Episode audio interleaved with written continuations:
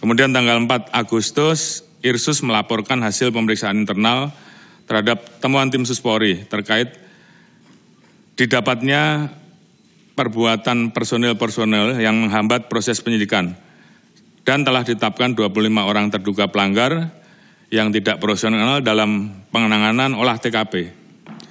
Pada saat penanganan awal, pada saat proses penyidikan, termasuk upaya-upaya untuk menghilangkan barang bukti, merekayasa kasus, dan menghalangi proses penegakan hukum atau yang biasa dikenal dengan obstruction of justice.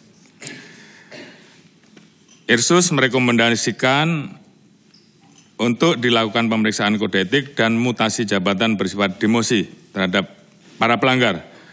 Tanggal 4 Agustus, 10 orang kita mutasi ke yang Napori, mutasi yang bersifat demosi, di mana di antaranya adalah Kadif Propam, Karopaminal, Karoprovos, Sesropaminal, Kaden A, Wakaden B, serta kita ganti dengan pejabat baru.